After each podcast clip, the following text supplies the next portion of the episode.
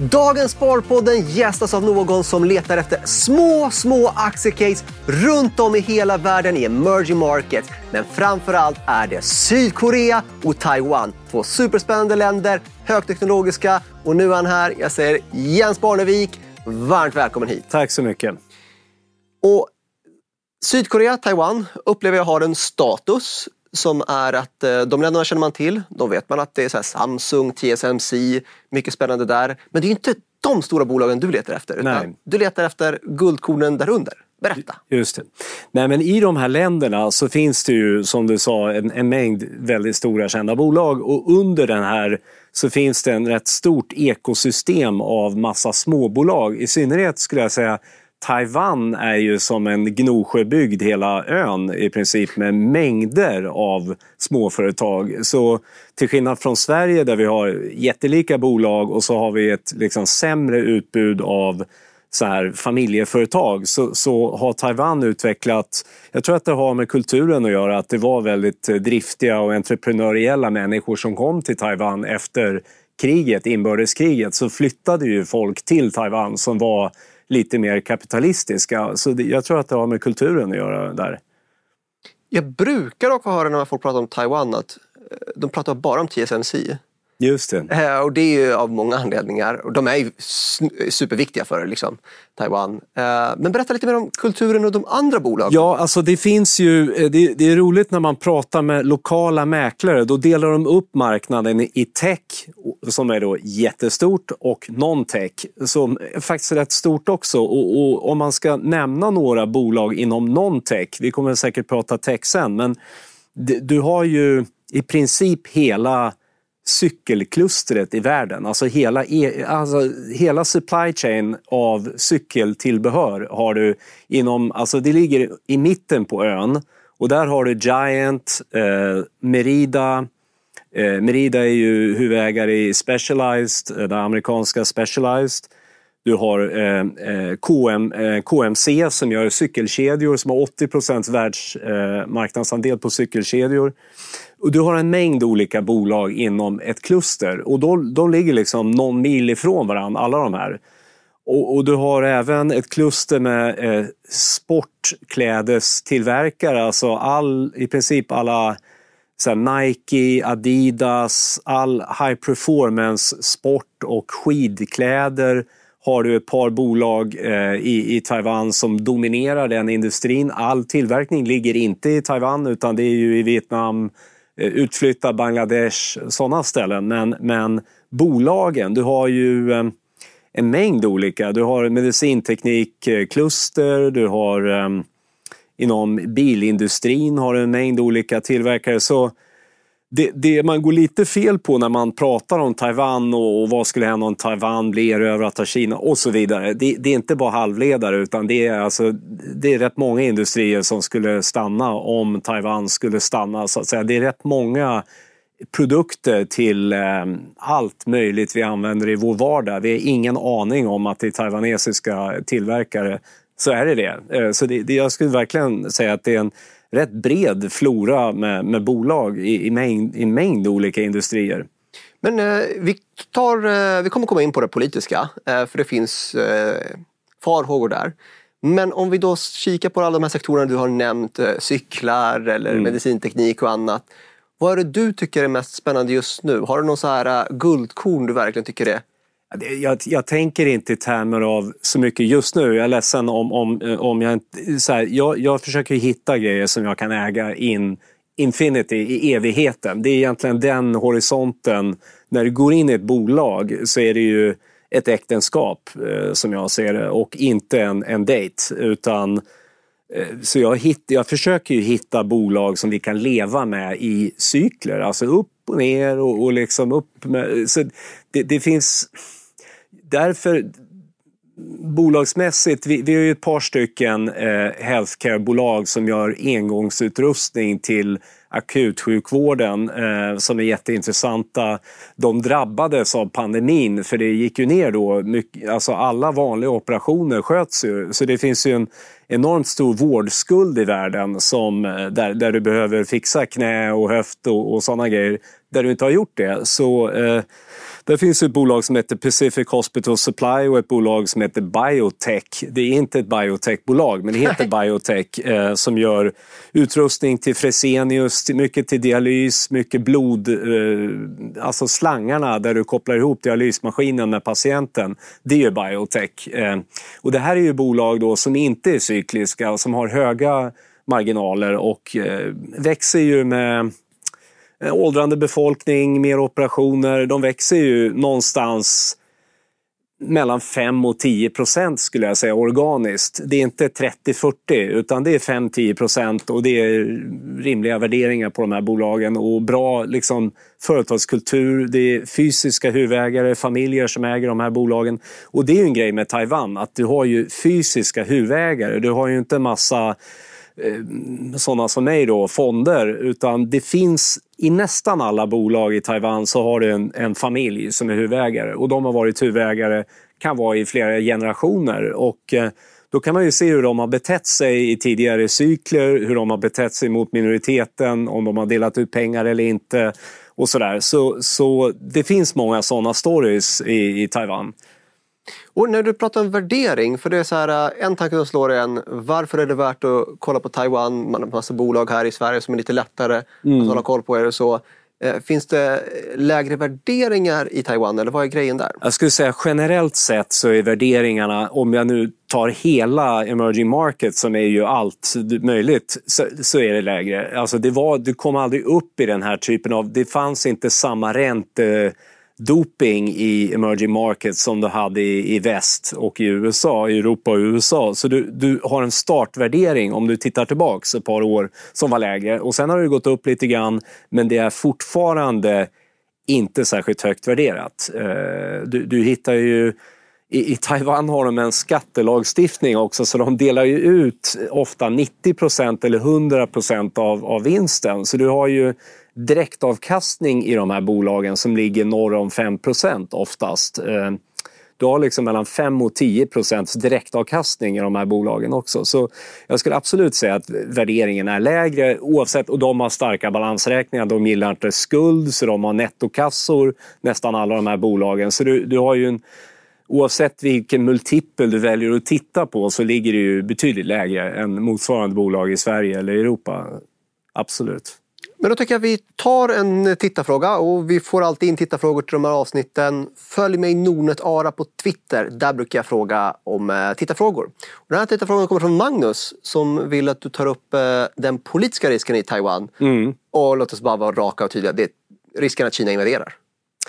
Ja, alltså vi bedömer, klart man vet inte, det, man, man får vara superödmjuk här. Eh, att, att det här är ju saker som som individ så har man ju väldigt lite liksom insikt i hur partiapparaten funkar i Kina. Men vi ser ju, om man ser för och nackdelar så att säga. Fördelar är det svårt att se några men nackdelarna för Kina är ju väldigt tydliga. Det skulle ju lamslå världsekonomin för det första.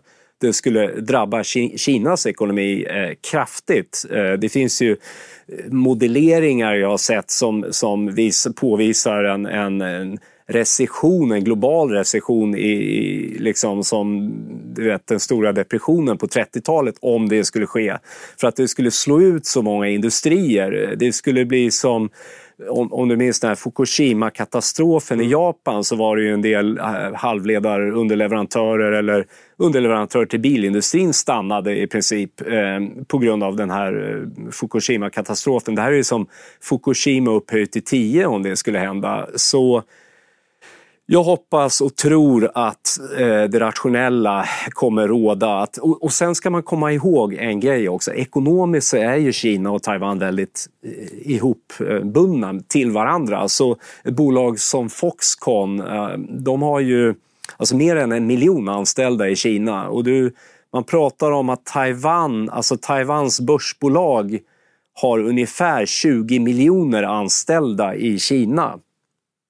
Så, så det, det finns ju en, en, ska säga mutual, en, en, båda är ju beroende av varandra, de här länderna. Och många av de bolagen vi äger i fonden, de har ett huvudkontor kanske i Taipei med 50 anställda och sen har de 20 000 anställda i Kina till exempel. Och, och Så, och de har flyg som går fram och tillbaka. Och, och så, så, ekonomiskt så är det mer klistrat, hopsatt än vad man kan tro när man ser rubrikerna i tidningarna. Och, och, politiskt är det en annan fråga, men ekonomiskt är de väldigt beroende av varandra. Båda, båda länderna är, är väldigt beroende av varandra. Jag har en eh, kär gammal vän som heter Anders Frick som eh, berättar att eh, han pluggade i Taiwan och då hade man ett studentlägg från Taiwan. Men då får man studentrabatter även i fastlandskina för de erkänner inte Taiwan. Så att, uh, då säger de, studerar du i Taiwan, då studerar du i Kina. Så mm. alla uh, förmåner där. Ja. Så att, uh, nej, men de är väl uh, till viss del en uh, hel integration. Men samtidigt så är de ju också beroende av USA. Och det är press mellan USA och Kina och då hamnar de där i kläm. Eh, varför de levererar TSMC till Kina och så. Hur ser du på den aspekten? Ja, alltså det, som, som det är nu så försöker ju Taiwan balansera de två intressena, USAs intresse och Kinas intressen. Jag tycker de gör det på ett rätt elegant och smart sätt. Så det är, de flesta taiwanesiska bolag de följer ju de amerikanska exportreglerna. Alltså TSMC säljer ju inte de här halvledarna som de inte får sälja till, till Kina. Och, eh, men trots det så har de ju väldigt mycket business i Kina. Så det, det, det är en balansgång. Eh, sen ska man komma ihåg att Taiwan är ju inte isolerat i den här frågan. Skulle det bli en konflikt med, med, med Kina så du har Japan som sitter i en liknande situation, du har Korea, du har Filippinerna, alla de här länderna, Vietnam. Eh, pratar du med en vietnames om kriget med USA säger de ja, vi har haft krig med USA en gång, det är glömt och förlåtet men Kina, det har haft, vi har haft krig med Kina alltså, massor med gånger och vi kanske kommer att ha det igen. Så deras syn på Kina, alla de här länderna runt i regionen, de har ju någonstans något liknande förhållningssätt som ska hantera Kina. Man måste hantera Kina. man måste kunna leva med Kina och alla de här länderna i regionen försöker ju balansera USA och Kinas intressen så de inte trampar någon av de här jättarna på tårna. Det, det, det, är en svår balansgång som, som hela regionen får ha. Eh, och om vi då går tillbaka till ekonomin då. Eh, jag vet att eh, många så emerging markets som jag upplever att jag hittat liksom fonder och så hamnar väldigt lätt i bank och fastigheter i dessa typer av länder och så. Hur ser du på det i Taiwan? Jag, jag, jag, är ju inte jätteförtjust i varken fastigheter eller bank egentligen och det är av olika skäl. Fastigheter är en väldigt lokal business och du, du, du ska känna till den lokala marknaden väl för att investera i den. Så att säga. Jag skulle inte rekommendera att en amerikan investerade i svenska fastighetsaktier heller för den delen. Så det, det, det är nog mest den här att local knowledge är viktig vad gäller fastigheter som går bort. Och sen är det ju väldigt högt skuldsatta bolag ofta och liksom ränteberoende business som jag inte tycker om. Eh, och vad gäller bank så är det ju svårt att analysera en bank utifrån. Det är svårt att se var problemen ligger i en bank. Så, så, och banken har väl lite eget kapital som vi, vi har ju sett. Vi ser ju bankkriser, de kommer ju och går. Eh, och det, det, det, är svårt att säga om man är i början eller slutet av en bankkris. Det, det, jag undviker bank om jag kan. Däremot sparandebolag gillar jag. Alltså liknande Nordnet eh, letar jag efter i sparandebolag, eh, online-mäklare men framförallt sparandebolag är jag jätteintresserad av att leta efter. Så det, det så det, det, finns såklart bank och fastigheter men, men, och det finns det i alla emerging markets men jag, jag har väldigt lite av det. Men om Norden skulle expandera till emerging markets och ha 50 av sina intäkter eller mer från emerging markets, då skulle de kunna hamna i din fond. Absolut. Absolut. Bra, för då tar vi en annan bit som tillhör din fond och det är väl massa bolag i Sydkorea. Mm. Eh, Sydkorea har väl haft politisk risk sedan Inception som Sydkorea existerade. Men eh, sen har det ju gått lite bättre än grannen i norr. De har haft en enorm ekonomisk tillväxt och sen har de haft några megaföretag, typ mm. Samsung. Eh, berätta lite om Sydkorea. Ja, Sydkorea är ju kända för de här, det kallas för cheboller, de här stora. Det är Hyundai, det är Kia, det är Eh, eh Samsung såklart och det finns ett par till. Eh, det finns väl en 8-9 stycken sådana här cheboller. Och jag undviker chebollernas dotterbolag för de, det är många som är noterade av de här och det kan vara någon Samsung-dotter, eh, det heter Samsung Engineering eller Samsung. Det finns mängder av Samsung-bolag noterade och Hyundai-bolag noterade och så vidare deras enda uppgift är att serva mamman, så de undviker jag. Eh, jag försöker hitta bolag där det finns en, en, eh, återigen en fysisk huvudägare, där de har en bredd på kunderna, så det inte bara är de här chebollerna. För chebollerna är inte så roliga att ha som kund. Eh, de ser till att din lönsamhet är precis så du överlever, inte mycket mer. Så, så i Korea finns det, och en grej med Korea som de det är en relativt liten marknad ändå. Så de har precis som i Taiwan har de tvingats gå internationellt från dag ett. Så Korea är superduktiga på att exportera. Det är Taiwan också. Det är likadant, båda de länderna, att de har ett små hemmamarknader så de måste ut direkt. Så du har i Korea får du jättefin exponering till Asien, alltså brett. Eh, och de är duktiga på att hantera Kina. Du har, eh, alltså, kineser tycker om koreanska varumärken. De gillar koreansk musik, de gillar koreansk film, de gillar koreansk mat, de gillar koreanska bilar. De gillar, så här, Korea är ju premiumkänsla eh, i Kina. Och de har inte heller samma konflikthistorik som i Japan. Så Korea de funkar väldigt bra i Kina och väldigt bra i övriga Asien. Så de, du har mycket bra bolag i Korea som, som har en bra exponering. Framförallt då som vi äger ju mycket dentalbolag, healthcarebolag. Eh, vi har ehm, eh, som mäter eh, diabetesmätning. Eh, eh, så det finns inom en mängd olika industrier eh, koreanska bolag som är väldigt starka i, i Kina.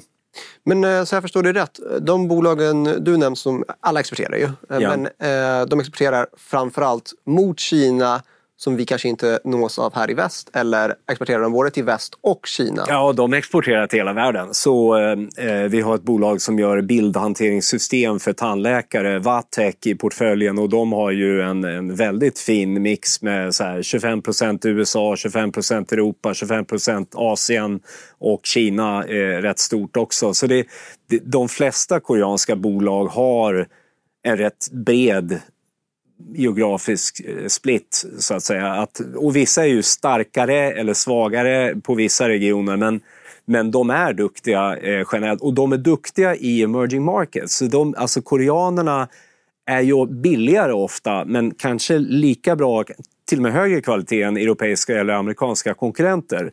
Och de kan ju sälja grejer till Indien till exempel, till tandläkare i Indien. De har inte råd att köpa Straumann eller de här Dent Supply från USA, deras produkter, för de är för dyra. Medan koreanerna säljer liksom för halva priset mot en europé eller en amerikan till likvärdig kvalitet. Så du har, de tar ju marknadsandel i emerging markets, eh, koreanerna. Och det, ser man, det har man sett senaste liksom, 10-20 åren, att de tuggar i sig marknadsandel i bilindustrin eller i healthcare-industrin eller vilken industri, ja, Samsung till exempel, kylskåp, eh, du vet aircondition-apparater. Du, du, du, ser dem ju överallt i emerging markets. Ja, det roliga med just Samsung är att jag tror väldigt få förstår hur gigantiska moderbolaget Samsung är. Ja. Alltså, det är inte Samsung Electronics, det är så sjukt mycket. Ja, ja, ja. Uh, Nej, men... men, där, där är det låg värdering. De där, de där jättarna, de, jag tror de handlas liksom runt bokvärdet.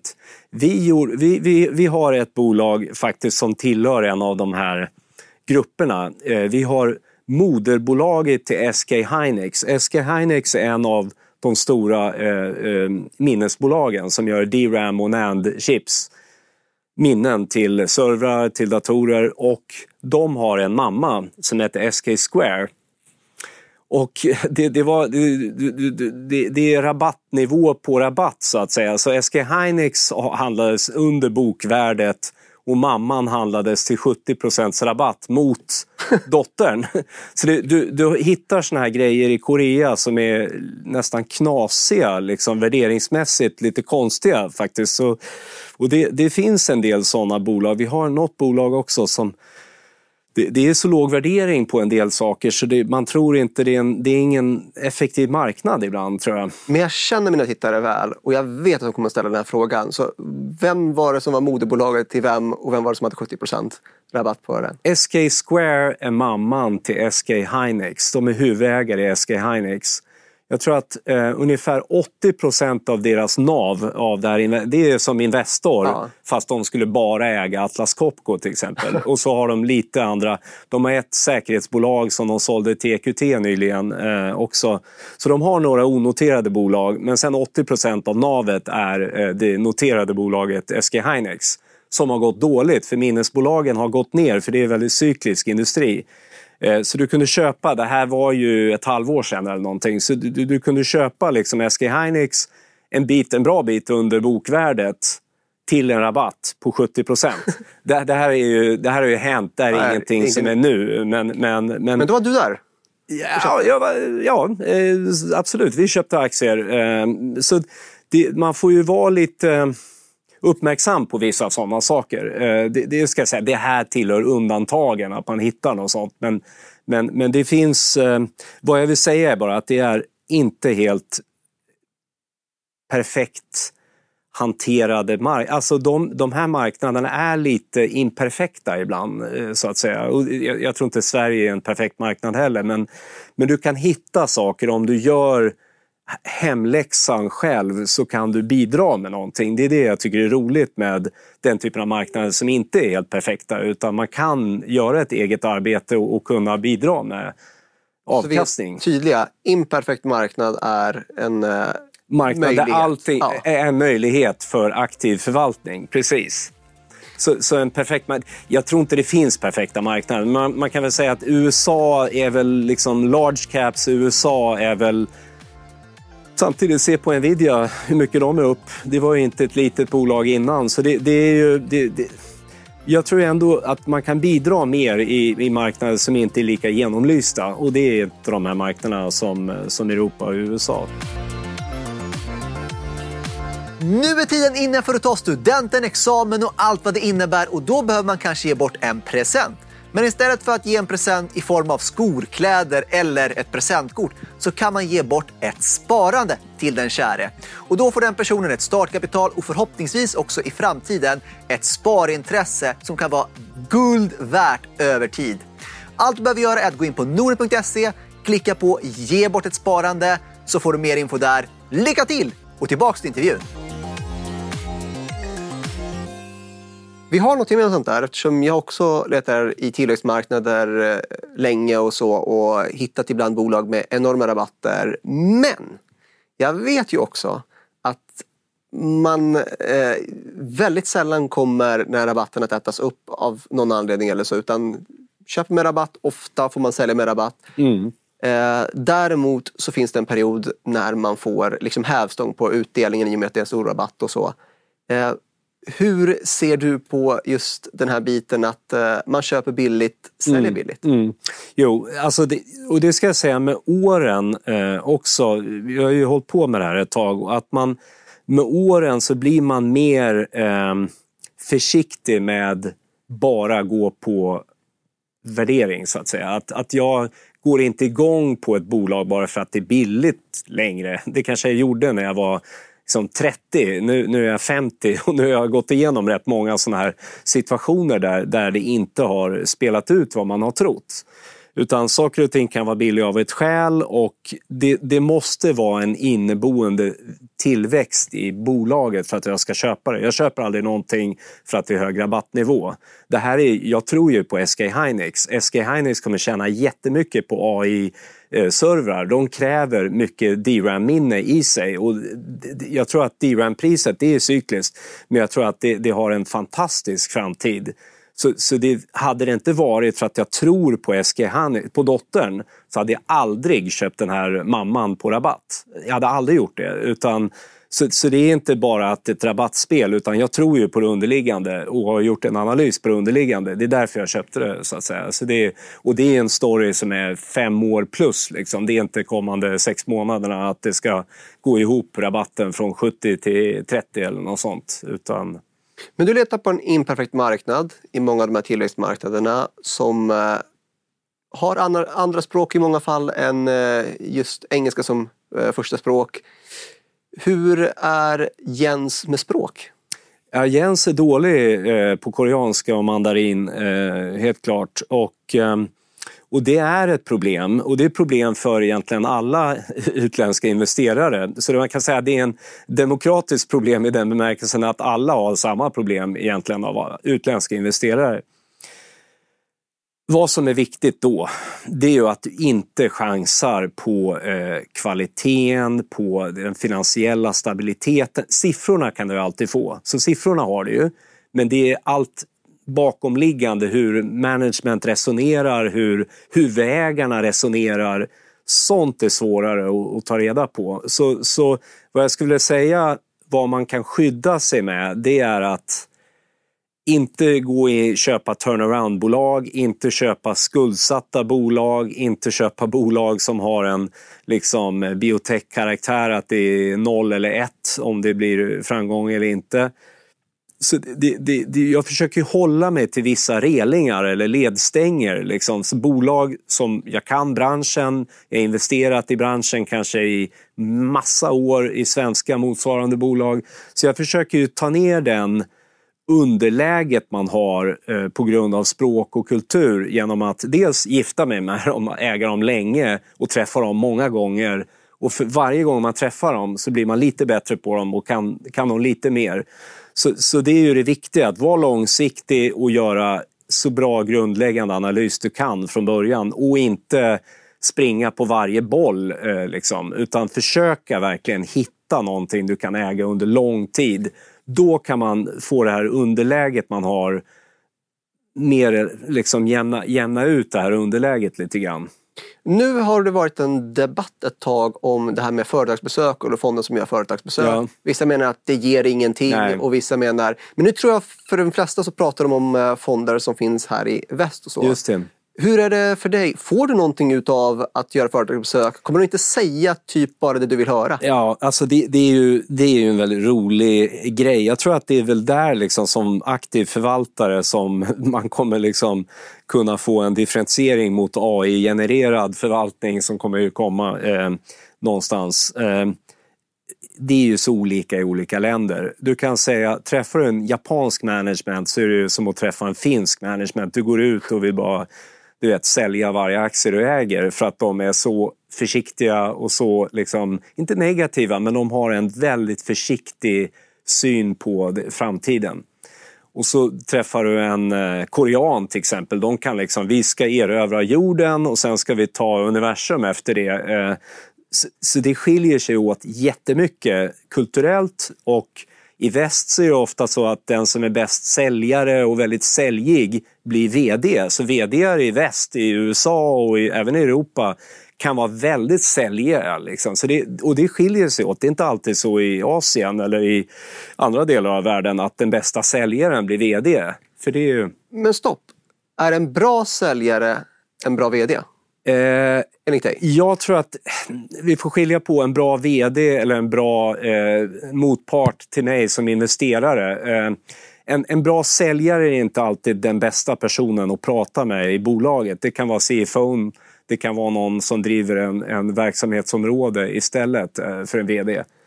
Så det är inte alltid VD som är den bästa personen att prata med. VD kan vara väldigt karismatiska och säljande och det kan vara negativt för dig som investerare för de kan liksom de tror ju på det de säger. Det är inte att de ljuger utan de är ju by nature optimistiska och det kan kan vara dåligt ibland att, att man blir liksom carried away när man träffar management. Därför förstår jag den debatten.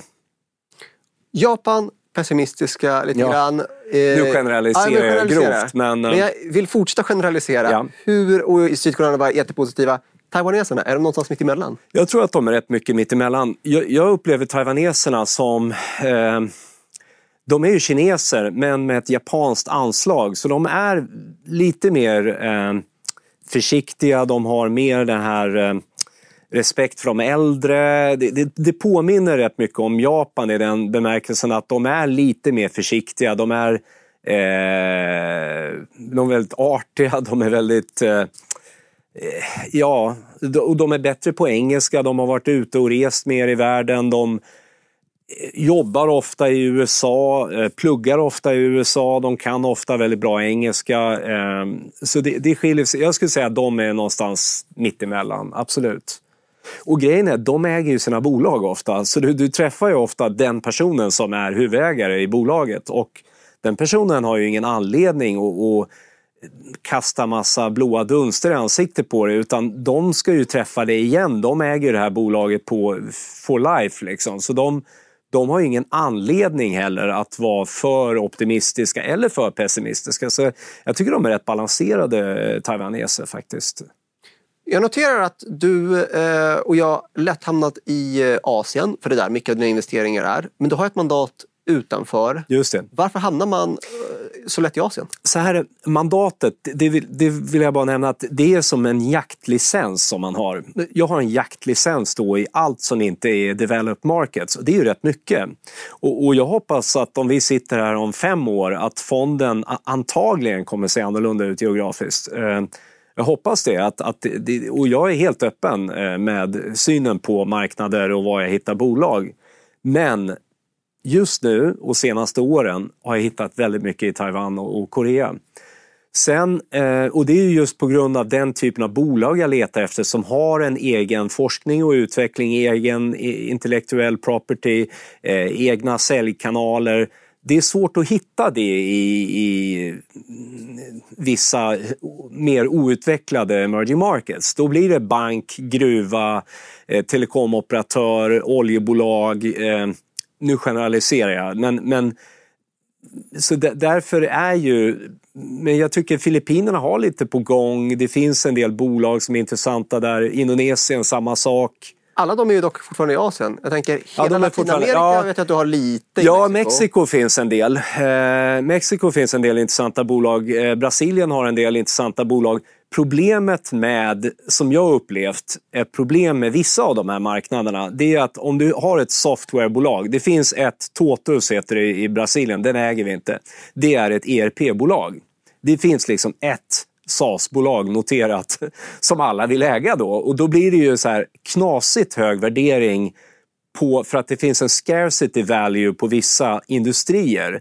De har mycket olja, de har mycket gruvor, de har mycket agriculture, men de har inte mycket SAS-bolag eller de har inte mycket verk, bra verkstadsbolag. Då blir ju de få verkstadsbolag de har i ett land som Brasilien väldigt högt värderade. Så det, det är ju det som är problemet i vissa av de här marknaderna, att de är skeva liksom, alltså inriktningsmässigt, att de har för mycket av vissa grejer och för lite av annat.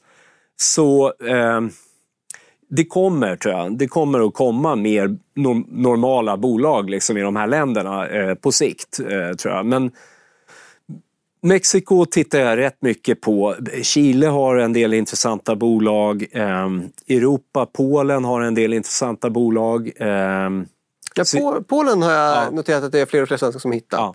Eh, vad är det som hänt där? Alltså... alltså... Polen har ju en hög nivå på framförallt mjukvaruutvecklare och ingenjörer så de har ju mycket R&D i Polen och eh, det finns en spelbransch i Polen. Eh, du har även... Spelbransch med gaming? Gaming, mm. precis. Inte gambling utan ja. gaming. Eh, och du har även eh, en del rena online-operatörer eh, som är intressanta i Polen. Polen är rätt framåtlut. De är duktiga entreprenörer i Polen och eh, vi tittar en hel del på Polen. Vi har ett par eh, bolag, eller något bolag just nu, men, men det är helt klart på vår radarskärm, Polen. Absolut. Och det finns ju, Slovenien har några bra bolag. Det finns ju eh, Grekland äger vi Sarantis som är ett bra konsumentbolag. Eh, som sagt, Sydafrika har en del intressanta bolag. Ehm, vi har ett kakel, en kakeltillverkare i, i Sydafrika. Ehm, så det, det, finns lite grann eh, i... i men, men, stora delar av emerging markets har jag svårt att hitta bra bolag i. Det, så enkelt är det.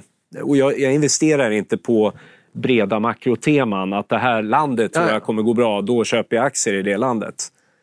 Och eh, jag noterade till exempel att många Afrikaförvaltare har eh, sin största position i Naspers. Vilket Just i princip det. är en investering. Mm. I eh, typ, Tencent, ja, ja. det är typ 100 procent Ja, Kina ja. ändå. Så det, det är lite intressant. Eh, men om man eh, då tar Afrika. Det känns som eh, det svarta fåret i emerging markets. För jag vet ju att det är nästan alla emerging market pyttelite, alltså Afrika överhuvudtaget. Mm. Ändå är det ju ett, jätt- en jättestor kontinent. Det finns några konsumentbolag. Eh, det finns lite bryggerier. Eh, eh, det finns ju i, i, i Nigeria. Jag tror att det är Unilever eller så är det Nestlé som är noterat i Nigeria. Guinness är noterat i Nigeria. De gillar Guinness där. Så det, det finns Liksom, det finns ett, ett bryggeri i- i Östafrika, det heter East African Breweries tror jag. Så det finns några konsumentbolag som kan vara intressanta. I i Egypten finns det några konsumentbolag också eh, som är intressanta. Vi äger dem inte just nu. Det är rätt skakig makro i, i Egypten och eh, ja, av olika skäl så äger vi det helt enkelt inte just nu. Men, eh, men det kan ändras. Men då tycker jag att vi går vidare till fler tittarfrågor. Eh, och då ska vi ta en tittarfråga från Gustav som undrar Kul och bra fond, förslag. Hur ser han på begreppet hidden champion? Föredrar han bolag som är på globala eller lokala eh, marknadsledare? Och hidden champion är lite grann så att det finns i vissa marknader en vinnare inom en viss nisch. Eh, hidden champion är att inte många känner till den. Så att. Nvidia, alla har koll på det här. Ja, Men, Nej, men ja. det, det, jag älskar verkligen det begreppet. För det, och det finns ju en hel del sådana i... Eh, ja, en hel del. Vi har några sådana i fonden och det finns en del i universet jag tittar på. Ett bolag vi äger som heter Kingslide som gör skenorna till servrar. Där du, har, du ställer servern på en skena, ungefär som en kökslåda där du drar ut. De har ju rörelsemarginaler uppåt 45 procent på de här. Det är de facto liksom nästan till ett monopol på de här serverskenorna. Det är en hidden champion kan man säga. Det här bolaget jag nämnde tidigare, KMC som gör cykelkedjor, vi äger dem inte just nu men det är ett fantastiskt bolag. 80 procents marknadsandel på cykelkedjor och har rörelsemarginaler uppåt tror jag, 25-30 procents rörelsemarginal. För... Varför äger de inte då? Jo, för att, det ska jag berätta, jag ägde dem förut. Det skedde en cykelboom eh, under pandemin, ungefär som det kom en fiskeboom, en golfboom, en eh, du vet, fritidsboom helt enkelt. Så eh, försäljningen på cyklar, om man tittar på 50 års historik, du kommer kunna se den liksom om 100 år, den pucken som, som skedde på cyklar. Och eh, eh, aktierna gick väldigt starkt. Vi köpte dem på P-tal under 10 och sen gick de till 20 eller något. Nu, nu, nu höftar jag, men det, det var... eh, och, och det skedde, alltså Shimano, alla cykelbolagen drogs med i det här. Så jag tror att det lugnar ner sig nu. De har fortfarande stora lager och jag tror att eh, man ska hålla koll på den industrin för att den kommer komma tillbaka. Så jag tror verkligen på att eh, vi kommer cykla mer framöver och, och det är både för hälsans skull men även för miljön. Så, och elcyklar växer ju. Så det, det eh, absolut ett sånt bolag som, som är en hidden champion man ska hålla koll på. Men det, det, det finns många hidden champions. Eh. Och vi fortsätter med fråga från Olle. Eh, fråga om han är fondbolagets backoffice-avdelnings hatobjekt nummer ett. Gissar att han kräver sin administration eh, att hitta banker i Nigeria att handla igenom och så vidare.